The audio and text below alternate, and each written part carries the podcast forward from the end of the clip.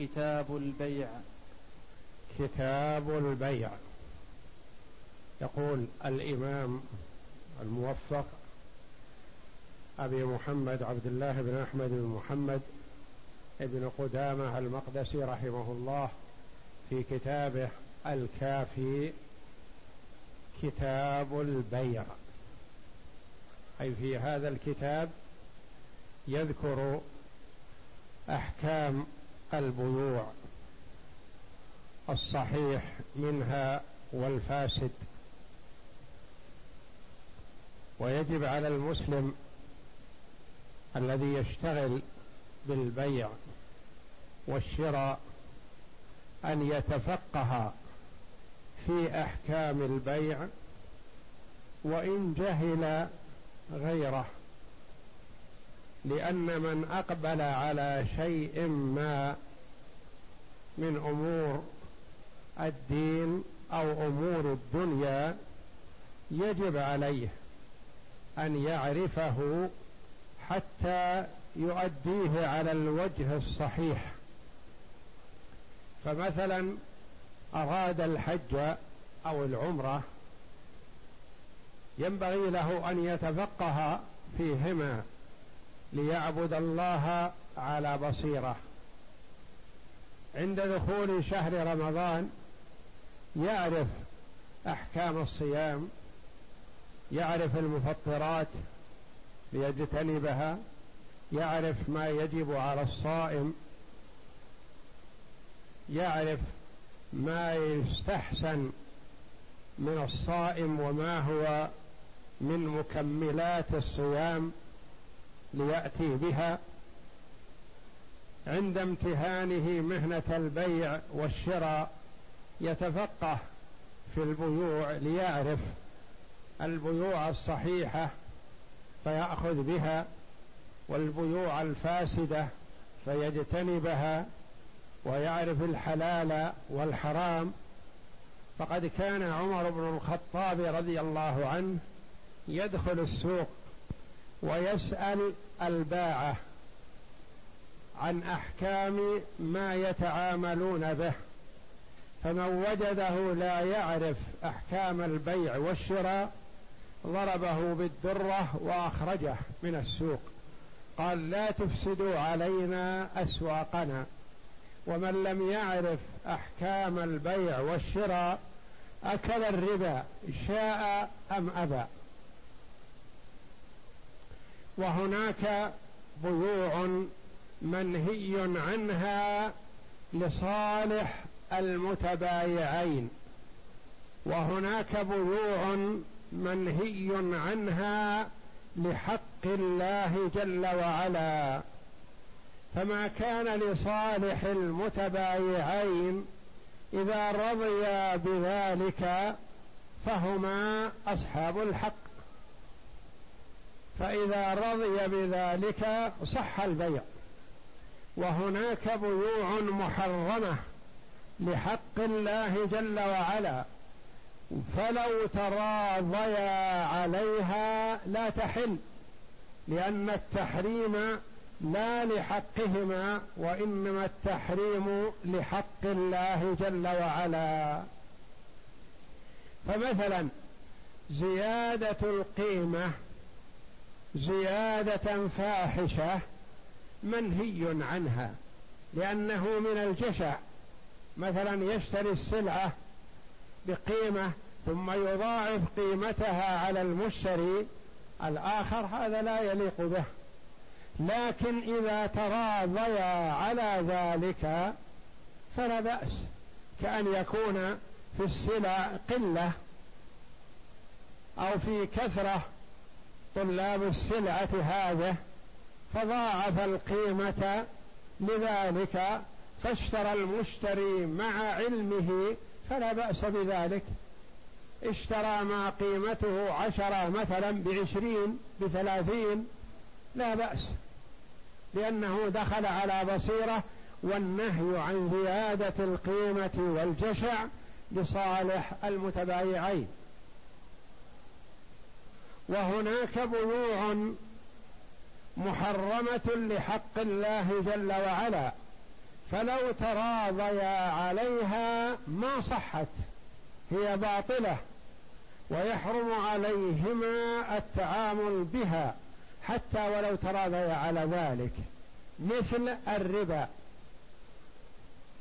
الربا لو تراضيا عليه قال أعطني مئة بمئة وخمسة مثلا إلى بعد خمسة أشهر. أو أعطني ألف بألف ومئة إلى ما بعد سنة أو ستة أشهر أو سنتين أو أو إلى آخره. هذا محرم لحق الله جل وعلا لأن هذا ربا والمرابي محارب لله ورسوله. وأحل الله البيع وحرم الربا. فلا يصح مثل هذا البيع ولو تراضيا عليه لأنه محرم لحق الله تعالى. مثال ذلك مثلا الزنا. تراضيا عليه الزاني والزانية هل يحل؟ باختيارهما. واختفيا عن الناس وفعلا الفاحشة حرام عليهما ويستحقان العقوبة. لأن الزنا محرم لحق الله جل وعلا. وهكذا المعاملات والتصرفات. يجب على المسلم أن يتعامل المعاملة الصحيحة المشروعة ليكون طعامه وكسبه حلال. وقد ورد في الحديث أن المرء يقذف في جوفه اللقمة من الحرام لا تقبل له صلاة أربعين يوما. لأنه أكل لقمة حرام. أخذ بالقيمة زيادة محرمة. لا زيادة مشروعة لأن الزيادة المشروعة مباحة. يقول هذه السلعة بعشرة ترغب فيها خذها ما ترغب فيها دعها. بصرف النظر عن قيمتها. مثلا قيمتها قد تكون ثلاثة أرين ويقول أنا لا أبيعها إلا بعشرة. فأخذها برضا وطيب خاطر منه لا بأس. لكن قال أنا أعطيك العشرة هذه بعشرة واحد عشر بزيادة ريال واحد. إلى مدة كذا. هذا الربا وهو محرم ولو تراضيا عليه. فهو يكون أخذ الزائد هذا حرام حرام عليه وبه يكون محاربا لله ورسوله. كذلك الغش والخديعة ويحلف يمين كاذبة بأنه اشترى السلعة بعشرة وهو قد اشتراها بثمانية مثلا لكن يريد أن يستجر المشتري حتى يدفع فيها أحد عشر أو اثني عشر.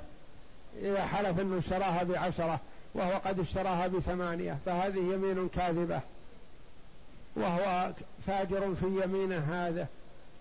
وهذه اليمين الغموس الذي يحلف عليها المرء ويعلم كذب نفسه والعياذ بالله. وهذه اليمين التي قال عنها النبي صلى الله عليه وسلم منفقة للسلعة ممحقة للكسب. يكون الكسب حرام. وتنفق السلعة. لا حلف إنه اشتراها مثلا بعشرة وقد يكون اشتراها بخمسة لكن يحلف إنه اشتراها بعشرة لأجل يقول المشتري أنا أخذها بأحد عشر. فيكون كذب. وكما تقدم لنا قوله صلى الله عليه وسلم البيعان بالخيار ما لم يتفرقا فإن صدقا وبينا بورك لهما في بيعهما وإن كذبا وكتما محقت بركة بيعهما. حتى ولو كسبا تمحق البركة تكون لا بركة في هذا البيع والشراء ولا بركة في هذا الربح. ويكون الربح ضرر على المرء يستعين به على معصية الله والعياذ بالله ولا يعين على الطاعة. بخلاف الكسب الحلال فهو وإن قل فيكون عونا للمرء على طاعة الله جل وعلا. فيجب على المسلم إذا أراد البيع والشراء إذا أراد امتهان ذلك والاستمرار فيه أن يسأل عما يحل ويحرم ليجتنب الحرام وليسلك مسلك الحلال. وإذا كانت بيعة واحدة أو صفقة واحدة لكن اشتبه فيها قبل أن يمضي البيع يسأل طالب علم. أريد أن أبرم صفقة مثلا بهذا الخصوص بهذه الصفة أتحل لي أم لا؟ والله جل وعلا تعبدنا بالبيع والشراء كما تعبدنا بالصلاة والصيام والزكاة والحج. فنحن نعبده ببيعنا وشرائنا الحلال كما نعبده بصلاتنا وصيامنا. والدين الإسلامي يمتاز بأنه ما ترك كبيرة ولا صغيرة من شؤون الدنيا أو الآخرة إلا وبينها ووضحها وبين ما يحل وما يحرم. ما يقال هذه أمور دينية دنيوية مثلا ما للشرع فيها دخل لا.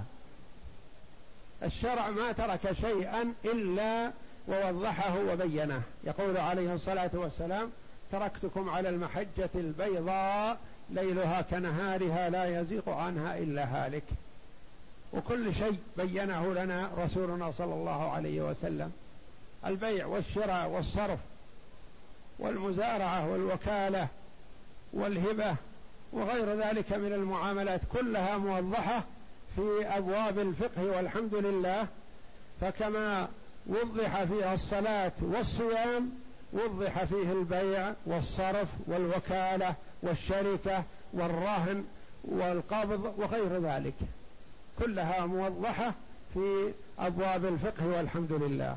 وعلى المسلم أن يتفقه إن كان عنده القوة على ذلك وإلا فليسأل أهل العلم. فاسألوا أهل الذكر إن كنتم لا تعلمون. كثير من الإخوة هداهم الله يتعامل المعاملة الربوية. أو يقدم على أفعال في الحج أو في الصلاة أو في الصيام ثم بعد ما يقدم عليها يؤنبه ضميره فيذهب ليسأل. فعلت وفعلت. لا يا أخي لم لم تسأل قبل أن تقدم؟ حتى تقدم على بصيرة. جاءني يقول تعاملت بالربا وأنا الآن تعب لكن البنك يطالبني بكذا. ما في خلاص. لا بد أن تدفع لصاحبك ما التزمت له به. وبهذه المعاملة تكون محارب لله ورسوله. فهل عندك قدرة وطاقة تحارب الله ورسوله؟ اسأل يا أخي قبل قبل أن تدخل المعركة والحرب مع الله ورسوله علشان تجتنب المحرم وتفعل الحلال. وما من طريق محرم الا وبجواره طريق حلال مشروع والحمد لله. أحل الله البيع وحرم الربا. شرع النكاح وحرم الزنا. أباح الصرف الحلال وحرم الصرف الربوي.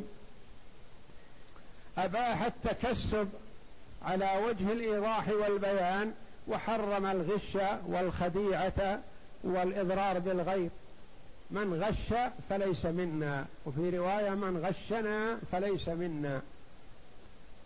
فليحذر المسلم أن يقع في الحرام وإذا أشكل عليه الأمر فليسأل قبل أن يقع فيه. قبل أن يسلك مسلك الظالمين يسأل ليجتنبه. اهدنا الصراط المستقيم. صراط الذين أنعمت عليهم غير المغضوب عليهم ولا الضالين. في كل ركعة من ركعات الصلاة يجب على المرء أن يدعو بهذا الدعاء في فاتحة الكتاب. وكثير منا غافل عنها يرددها ولا يفهم معناها. أنت تسأل الله جل وعلا أن يهديك صراط الذين أنعم الله عليهم. منهم هم النبيون والصديقون والشهداء والصالحون. فاسأل الله أن يوفقك لطريقهم وأن يجنبك طريق المغضوب عليهم وهم اليهود. معهم علم ولم يعملوا به. وطريق الضالين وهم الذين وهم النصارى يعبدون الله على جهل وضلال.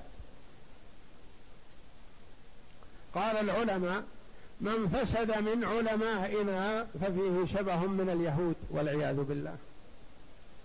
ومن فسد من عبادنا وعوامنا ففيه شبه من النصارى يعبدون الله على جهل وضلال.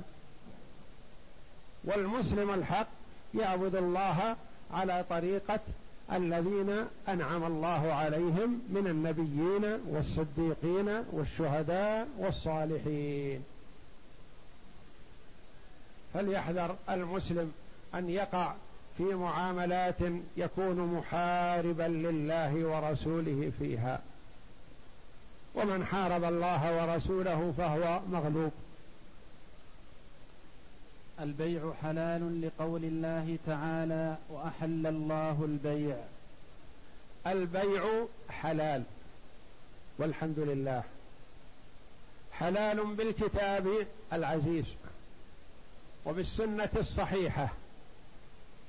وبإجماع المسلمين والعقل يقتضيه والقياس كذلك. بالكتاب العزيز أحل الله البيع وحرم الربا. يا أيها الذين آمنوا إذا تداينتم بدين إلى أجل مسمى فاكتبوه.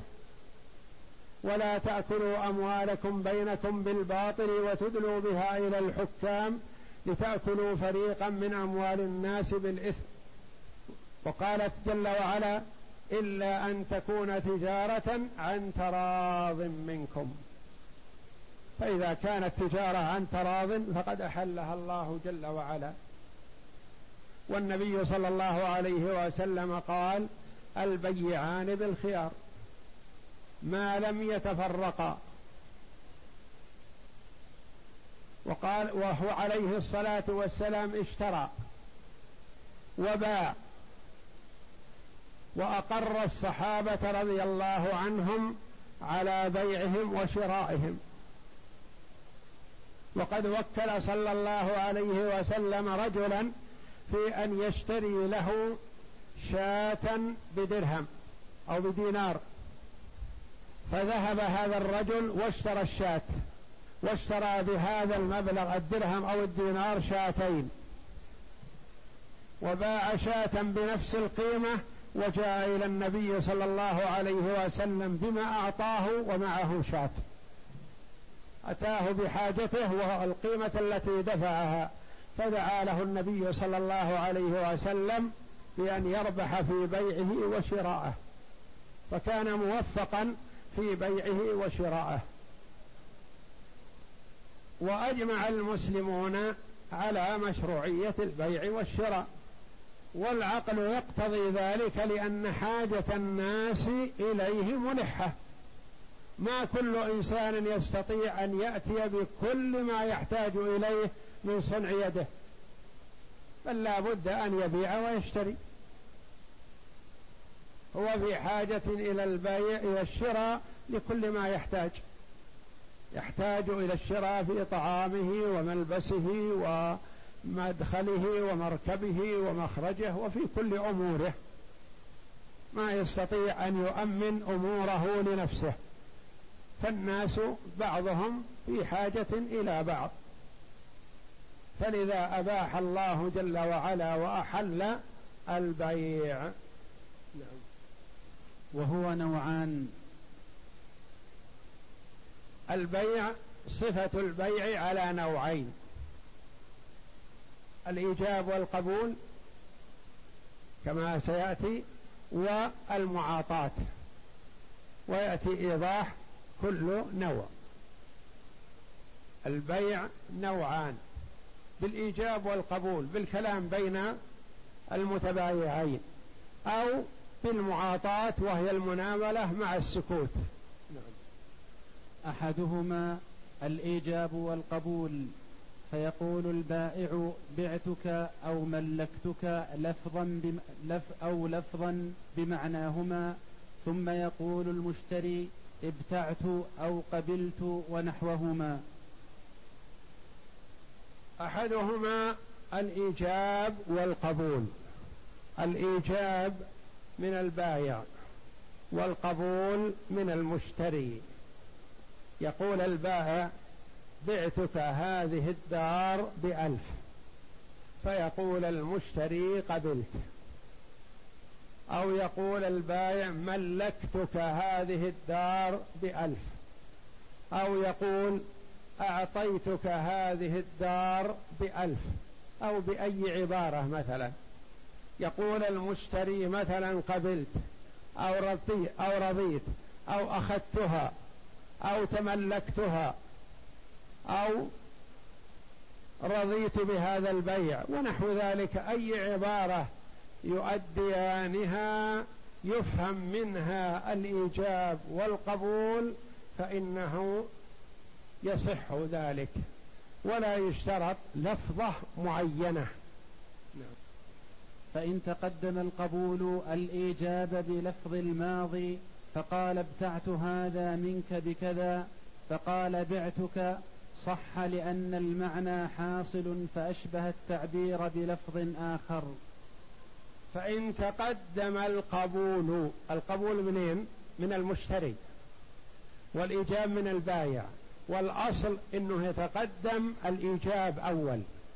يقول صاحب السلعة بعت يقول المشتري اشتريت. إذا عكس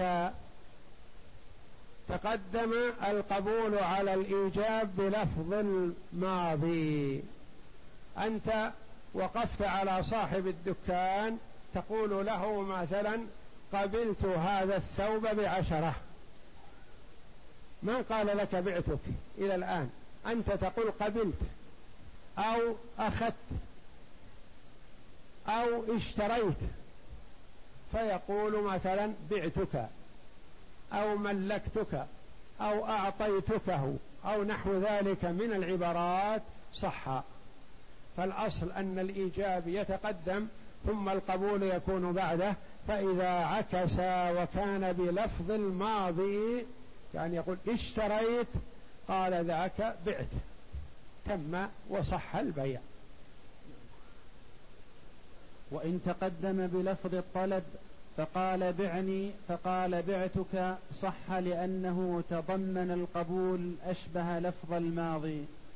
وإن تقدم بلفظ الطلب تقدم بلفظ الطلب. فرق بين أن يتقدم باللفظ الماضي أو يتقدم بلفظ المستقبل أو الأمر. مثلا يقول اشتريت هذه السلعة بكذا قال آه المايع بعتك. هذا تم. لا إشكال فيه.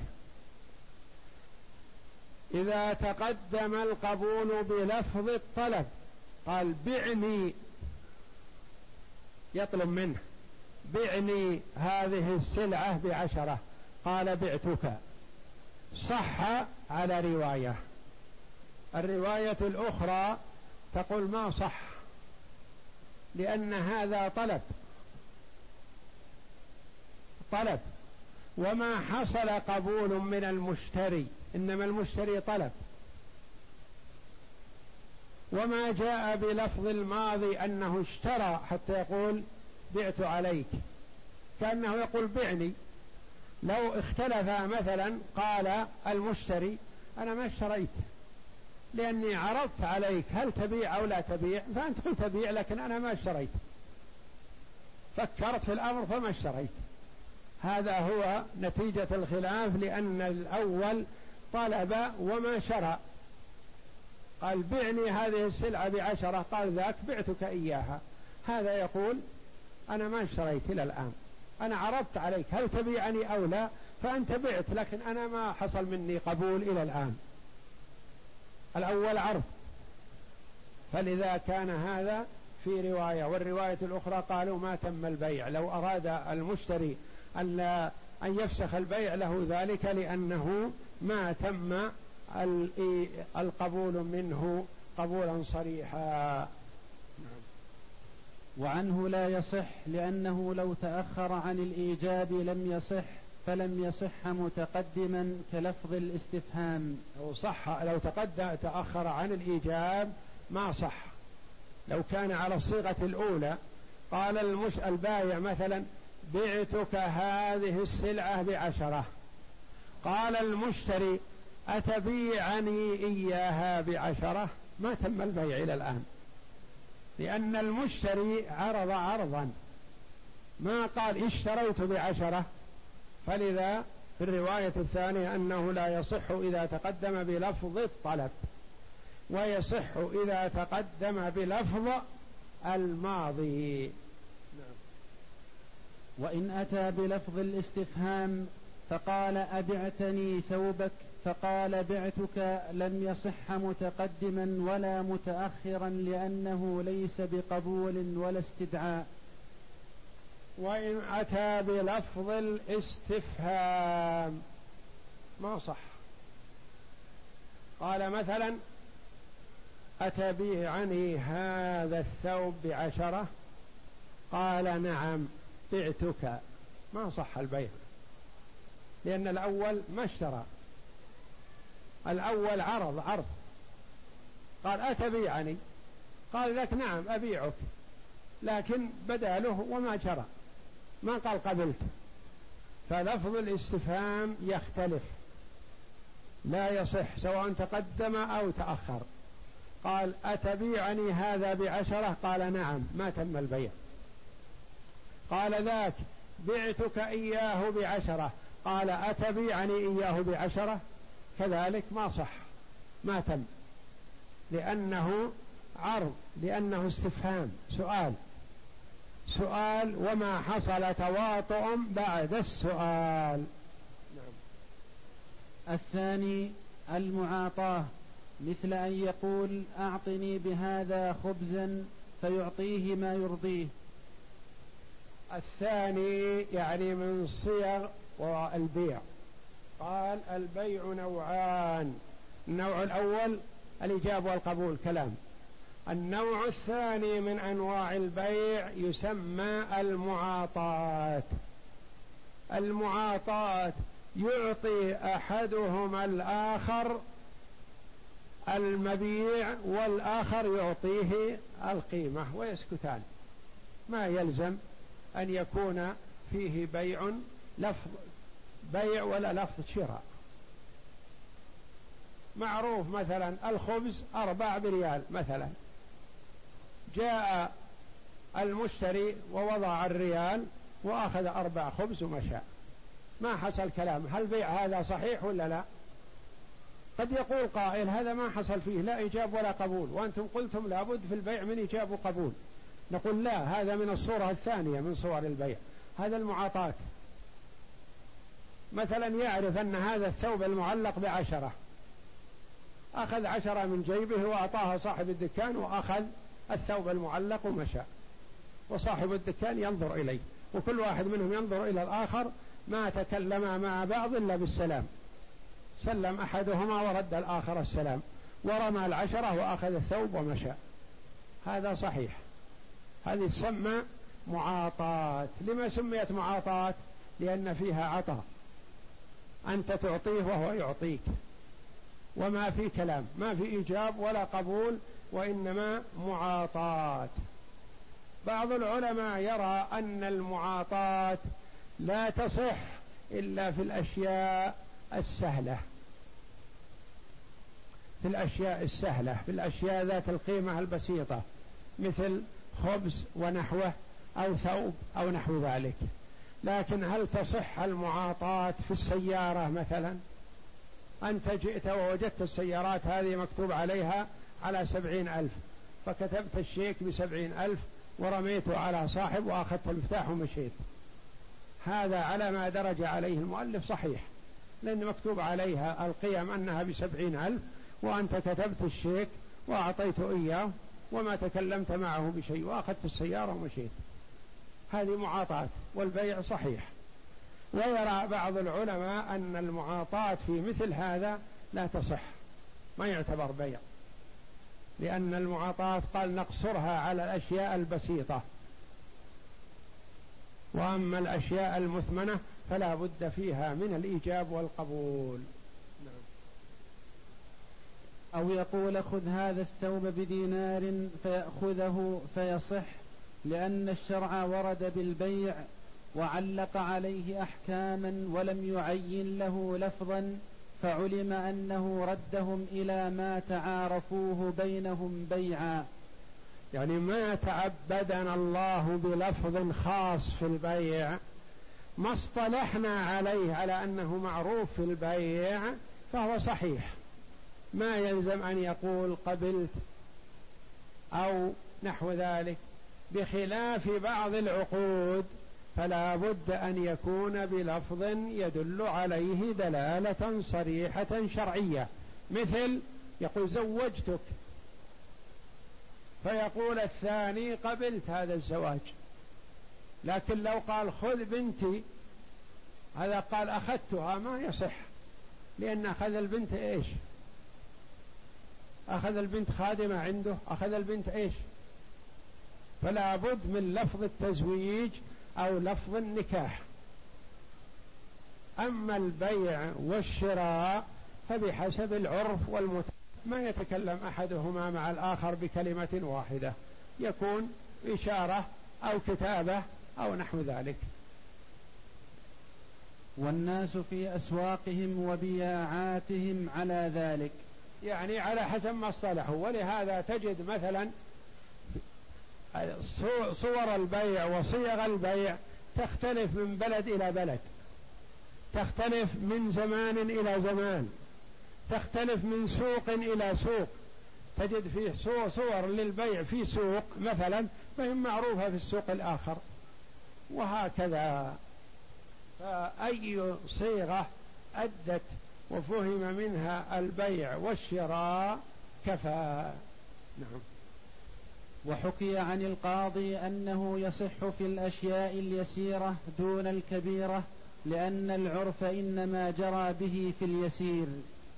القاضي أبي يعلى رحمه الله قال يصح تصح المعاطاة في الأشياء اليسيرة مثل الخبز أو مثل أشياء مكتوب عليها قيمتها بعشرة بعشرين بخمسة بريال بريالين ونحو ذلك. يأخذ المبيع ويدفع القيمة ويمشي. قال هذا في الأشياء البسيطة أما الأشياء ذات البال كالعقار والبيوت ونحو السيارات ونحوها فلا بد فيها من الإيجاب والقبول. والحكم في الهبة والهدية والصدقة كالحكم في البيع في ذلك لاستواء الجميع في المعنى. والحكم في هذه الأشياء الهبة والهدية والصدقة حسب ما تعارف عليه الناس حسب ما تعارفوا عليه فيما بينهم ولا يلزم صيغة معينة. تعطي الفقير عشرة ما تقول له هذه صدقة ولا شيء من هذا تضعها في يده سرا ويقبضها ويمشي مثلا. هذه صورة من صور المعاطاة في الصدقة. لابنك لأخيك لمن تهدي عليه لجارك. تهدي عليه ما تهدي ولا تتكلم معه. ما يلزم أن تتكلم. تهب مثلا زوجتك أو تهب أختك أو بنتك شيء ولا يلزم أن تتكلم. يعني ما درج عليه الناس في هذا في البيع ومثله الهبة والصدقة والهدية. فصل ويشترط له الرضا لقول الله تعالى إلا أن تكون تجارة عن تراض منكم. ويشترط له الرضا في الغالب. يشترط الرضا لأنه لا يصح البيع بالإكراه إلا في صور كما سيأتينا. أما الغالب في البيع والشراء أن يكون يلزم فيه التراضي.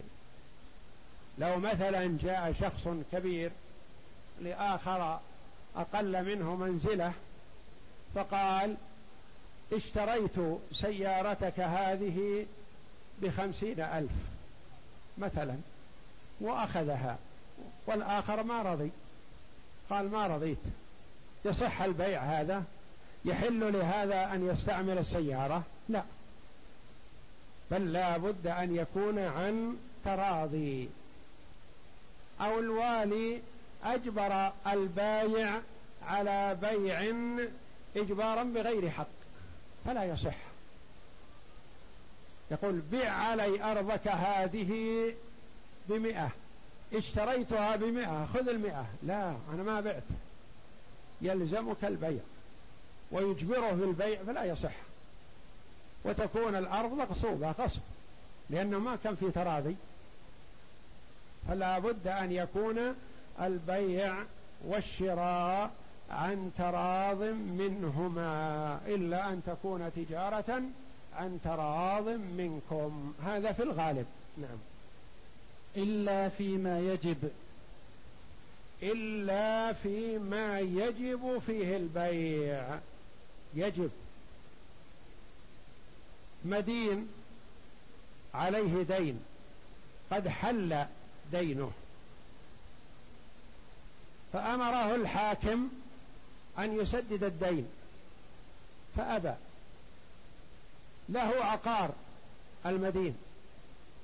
الحاكم يبيع عقاره جبرا ويسدد الدين عليه.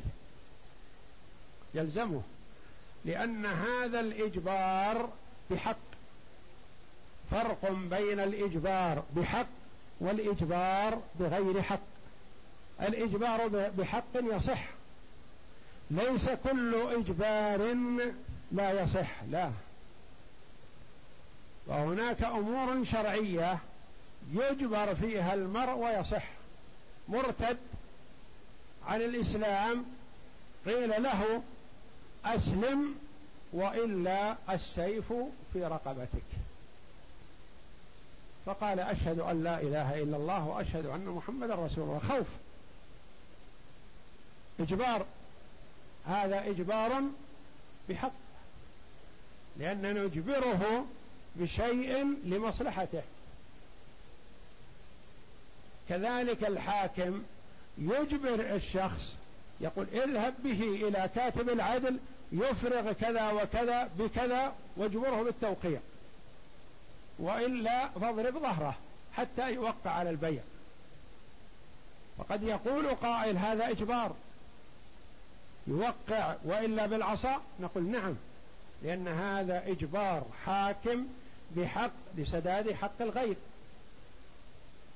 فهذا يسمى إجبار بحق. نعم. فإن أكره على بيع غير واجب لم يصح لعدم الرضا المشترط. إذا أكره على بيع غير واجب ما صح. لو بعد عشر سنين أو عشرات السنين يرجع المبيع إلى صاحبه. يقول أنا ما بعت. أنا ما بعت ولا رضيت لكني أجبرت. وفي ذاك الوقت مثلا كان فيه ظلم وإجبار وأنا الآن ألتجئ إليك أيها الحاكم العادل فأنا ما بعت. وإنما بعت من وراء السياط. خوفا من الضرب والحبس. فردوا علي بضاعتي فالحاكم العادل يرد له بضاعته. ولو كان البيع الأول بقيمة مثلا قدرها مئة والآن يساوي ألف وأكثر فيعود المبيع إلى صاحبه. ما دام أنه لم يرضى وكان الإجبار بغير حق فالبيع غير صحيح ولا تزال السلعة في ملك صاحبها الأول. وتصرف الثاني فيها تصرف غير شرعي. وإن أكره على بيع واجب صح لأنه قول حمل عليه بحق فصح كإسلام المرتد. إذا أجبر لمصلحته ومصلحة الغير يلزم. كإسلام المرتد. إسلام المرتد بالإجبار ألا يصح يصح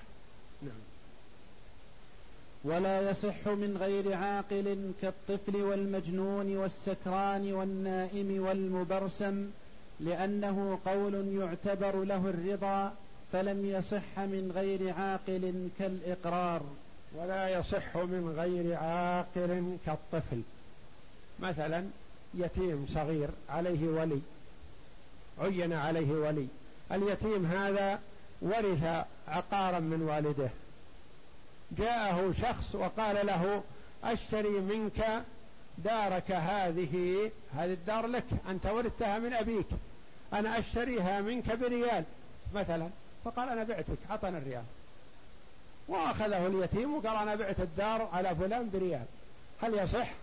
لا. لأن اليتيم هذا صغير مو بعاقل. والمجنون مثله كذلك. لو كان المجنون له مال وجاءه شخص واشترى منه ما عنده بشيء من القيمة قلت أو كثرت ما صح لأنه لابد من العقل. والسكران مثله لأن السكران كالمجنون والعياذ بالله. إلا أن المجنون معذور والسكران غير معذور لأنه هو الذي جن نفسه. هو الذي أسقط قيمة نفسه والعياذ بالله. والسكر محرم في الإسلام وهو شنيع عقلا حتى في الجاهلية كثير من رؤساء الجاهلية ومن ساداتهم حرم على نفسه الخمر. فقيل له ولم حرمت الخمر على نفسك؟ قال لا يليق بي. أن أصبح سيد القوم وأمسي سفيههم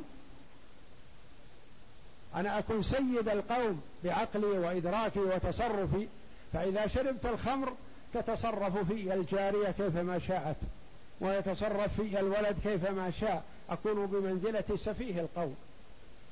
فلا يليق بالمسلم أن يشرب الخمر لأنها تذهب عقله يعني عقلا قبل تحريمها في الشرع. فهي محرمة في العقل وفي الشرع. لأن المرأة كأنه يشتري الجنون لنفسه. والمجنون يذهب به أهله يمينا وشمالا قريبا وبعيدا يلتمسون له العلاج. وهذا الذي يشتري السكر لنفسه يشتري الجنون لنفسه والعياذ بالله. ولهذا سمى النبي صلى الله عليه وسلم الخمر أم الخبائث والعياذ بالله. لما سميت أم الخبائث؟ لأن صاحب الخمر لا يتحاشى عن كبيرة من الكبائر والعياذ بالله. بعض أصحاب الكبائر يقعون فيما يقعون فيه لكن يتحاشون. الأمور الأخرى الكبائر الأخرى. المرابي مثلا صاحب كبيرة كبيرة عظيمة. لكنه يتحاشى أن يسرق خمسين ريال. أو عشرين ريال أو مئة ريال لأنه تاجر غني. صاحب البيع والشراء والمرابات والعياذ بالله مثلا قد يتحاشى عن الزنا. يبيع ويشتري ويرابي لكنه الزنا ما يقع فيه. وهكذا إلا صاحب الخمر والعياذ بالله فهو ما يتحاشى عن شيء. إذا شرب الخمر زنى إذا شرب الخمر قتل إذا شرب الخمر وقع على أمه وقع على بنته. كما قص الله جل وعلا على لسان رسوله صلى الله عليه وسلم قصة الرجل الذي استسهل كاسا من الخمر. أخذته امرأة تريد منه أن يزني بها وأقفلت وأغلقت الأبواب وأجبرته. قالت أنت بالخيار بين ثلاثة أمور. إما أن تشرب هذا الكأس من الخمر أو تزني بها أو تقتل هذا الولد الصغير عندها. ولن أطلقك حتى تقع في واحدة منها. ففكر وهو في حال عقله. الزنا شنيع. وجرم عظيم وقتل النفس أعظم وكأس الخمر أشربها وأتوب إلى الله وأستغفر الله وأتوب إليه فاستسهل الخمر فشربها فلما سكر قال زيدوني زيدوني زيدوني حتى نسي نفسه أين هو فوقع على المرأة ثم قتل الصبي وهكذا. وقع في الخبائث والجرائم كلها بسبب كأس من الخمر الذي استسهله. ولذا سمى النبي صلى الله عليه وسلم الخمر أم الخبائث لأن صاحب الخمر ما يتحاشى ولا يتنزه عن كبيرة من الكبائر. قد يمكن من نفسه من يفعل به فاحشة اللواط. قد يزني بأمه قد يقتل ولده وبنته وهكذا لأنه سكران. ولهذا السكران لا يصح بيعه حتى ولو رضي بالقيمة. والنائم كذلك لو اشترى من شخص نائم وهو يعطي كلمة وكلمة ولا يدري ما صح البيع. وكذلك المبرسم. المبرسم هو من أصيب بمرض يهذي ولا يفكر فيما يقول. ليس مجنون وليس سكران وإنما هو معه مرض في فكره. فيهذي كثيرا لكن ما يدرك ما يقول. فلو باع في هذه الحال أو اشترى فبيعه وشراؤه غير صحيح لأنه قول يعتبر له الرضا البيع فلم يصح من غير عاقل كالإقرار مثل الإقرار لو أقر السكران أو أقر المجنون أو أقر الصبي الصغير بشيء فلا يؤاخذ أحد منهم بإقراره. والله أعلم. وصلى الله وسلم وبارك على عبد ورسول نبينا محمد وعلى آله وصحبه أجمعين.